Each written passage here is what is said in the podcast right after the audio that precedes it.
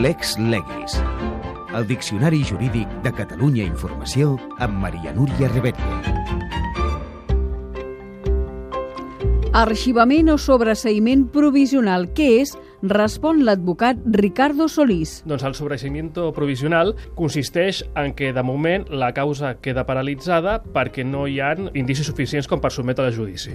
Quan és definitiu l'arxivament? Doncs poden passar dues coses. Que posteriorment es considerin que no hi ha indicis suficients per acusar la persona encausada de cap delicte, el qual seria definitiu, o que haguessin fets nous que permetessin reobrir la causa i eh, anar a judici. Per tant, doncs, quan es pot revocar un arxivament o sobreseïment provisional? A petició de les parts o d'ofici pel mateix jutjat d'instrucció sempre es pot reobrir la causa sempre i quan el delicte no estigui prescrit i es presentin noves proves. Em pot posar un exemple? Per exemple, si una persona està en unes condicions psiquiàtriques en les quals pel seu trastorn no es permet entendre el que és veure sotmès a un procediment judicial, es pot acordar l'arxiu provisional fins que aquesta persona recuperi les seves condicions psíquiques plenes i pugui ser sotmès novament a un procediment judicial, a la qual cosa es podria acordar la reobertura de la causa. On es pot recórrer l'arxivament d'un cas? Quan s'acorda l'arxiu d'una causa per part d'un jutjat d'instrucció, hi ha dues vies per recórrer el recurs de reforma i el recurs d'apel·lació.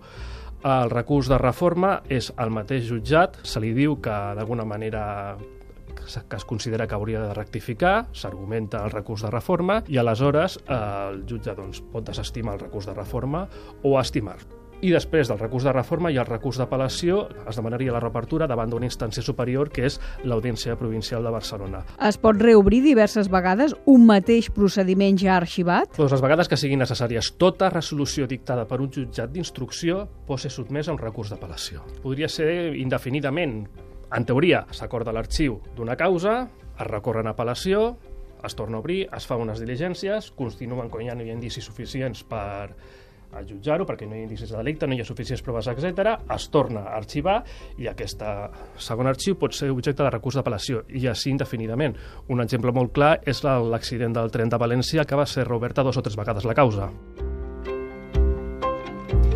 Un cas s'arxiva de manera definitiva quan el fet investigat es considera que no és delictiu, quan no hi ha indicis racionals que no ha passat el fet que ha motivat el procediment i quan els autors estan exempts de responsabilitat penal.